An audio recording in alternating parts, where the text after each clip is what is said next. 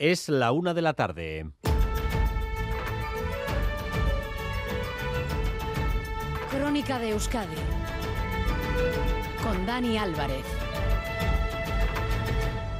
A Rachaldeón, el logro histórico de la cooficialidad de las lenguas en el Congreso ha quedado eclipsado en parte por la decisión del ministro Álvarez de darle pase VIP al catalán en el tránsito a la oficialidad en Europa.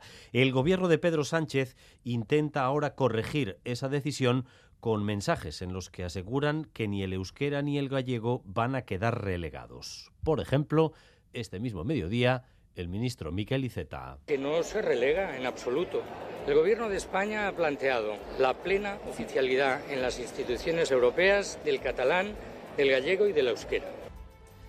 Pero si Moncloa se ha metido en un lío con este pase VIP para el catalán, más lío aún hay en la derecha. Vox le ha cogido al PP la medida y tras largarse del Congreso ayer cuando Semper habló euskera, ahora le dicen a Feijó que como tiene mayoría absoluta en el Senado, tiene que prohibir allí que se hablen otras lenguas. Veremos qué pasa, porque incluso dentro del PP a más de uno le sentó mal que Semper hablara euskera. Madrid y Sarobaza. El propio Semper lo ha admitido. Su intervención en euskera no ha gustado a todo el mundo. Su discurso fue previamente discutido con Feijó. El núcleo duro popular saca la cara al portavoz, pero lo cierto es que las palabras de Semper no fueron santo de devoción de todos los populares. De hecho, no hubo ovación final. Hoy Semper ha explicado que se decantó en hablar en euskera para demostrar que las lenguas cooficiales no pertenecen solamente a los nacionalistas y que ya era posible decir algunas frases en otros idiomas en el hemiciclo. El secretario general de Sortu, Arcaiz Rodríguez, sí ha visto la película No me llame ternera y no le ha gustado. En Boulevard esta mañana ha asumido que el jefe de ETA no sale bien parado de la conversación con Jordi Évole. Y eso no encaja en el relato que le gustaría sobre la historia de ETA porque queda una mirada parcial se ve pues eh, bastante acorralado. El documental no deja de ser una secuencia principalmente pues de las acciones, ¿no? de los atentados eh, más, eh, digamos, duros. ¿no? Me parece que ofrece una mirada extremadamente parcial, centrada en exclusiva bueno, sobre la violencia de ETA, pero una mirada en la que no tiene cabida la violencia del Estado y sus consecuencias. Y en Navarra, esta mañana el tema de comentario está en el plan del Departamento de Salud para reducir las listas de espera. El gobierno, de izquierdas y progresista, anuncia que derivará a los pacientes al sector privado para reducir esas listas de espera. Admite que tiene unos principios como gobierno de izquierdas que ahora van a ser otros para enfrentarse a una realidad insostenible. Aritz Aguirre.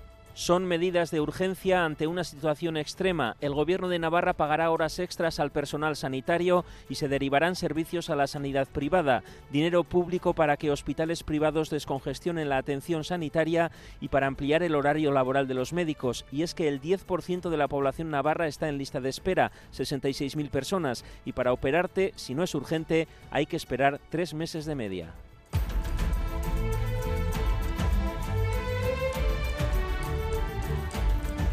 La Ertzaintza continúa buscando restos humanos porque investiga si la desaparición de un hombre en Amorebieta hace meses fue en realidad un homicidio. Hay una persona detenida. Su domicilio fue registrado ayer de forma exhaustiva y los testimonios de los vecinos van en esa dirección. Bueno, todo el día, hasta las seis y media o así que le sacaron al chico. Un jaleo terrible. Yo creo que rompieron paredes y todo, porque se oyó mucho golpe. Pues tendría 30 y muchos o 40 más, ¿no? Era un olor pues eso, acerrado, de no ventilar nunca, no tenía muy buenas pulgas, entonces lo que querías es no... Yo no lo he visto mucho desde luego. El supuesto asesino de gays y bisexuales en Bilbao va a tener una causa más por la que rendir cuentas. Los jueces pretendían sobreseer una de las muertes que se le atribuían al joven colombiano de 25 años, pero el recurso de la asociación LGTBI Gay2 ha hecho que la causa se mantenga abierta. En un mes arranca el primero de los juicios, Xavier Madariaga. Sí, la asociación LGTBI Gay2 ha conseguido a través de uno de sus recursos que la justicia reabra un caso que los magistrados pensaban dejar en punto muerto. Es una de las muertes que se le atribuyen al supuesto asesino de hombres gays y bisexuales en Bilbao, en prisión preventiva desde mayo de 2022. Hay otras cuatro muertes y dos intentos de asesinato por los que tendrá que rendir cuentas. Fiscalía se opone a unificar causas en un mismo proceso, así es que cada una sigue su curso. El primero de los juicios será dentro de un mes, en este caso por intento de asesinato. Y esta mañana suspirábamos porque alguna de las películas vascas representara a España en los Oscar, pero finalmente no ha podido ser. La Sociedad de la Nieve de Juan Antonio Bayona será la representante en la pugna por la mejor película internacional en marzo.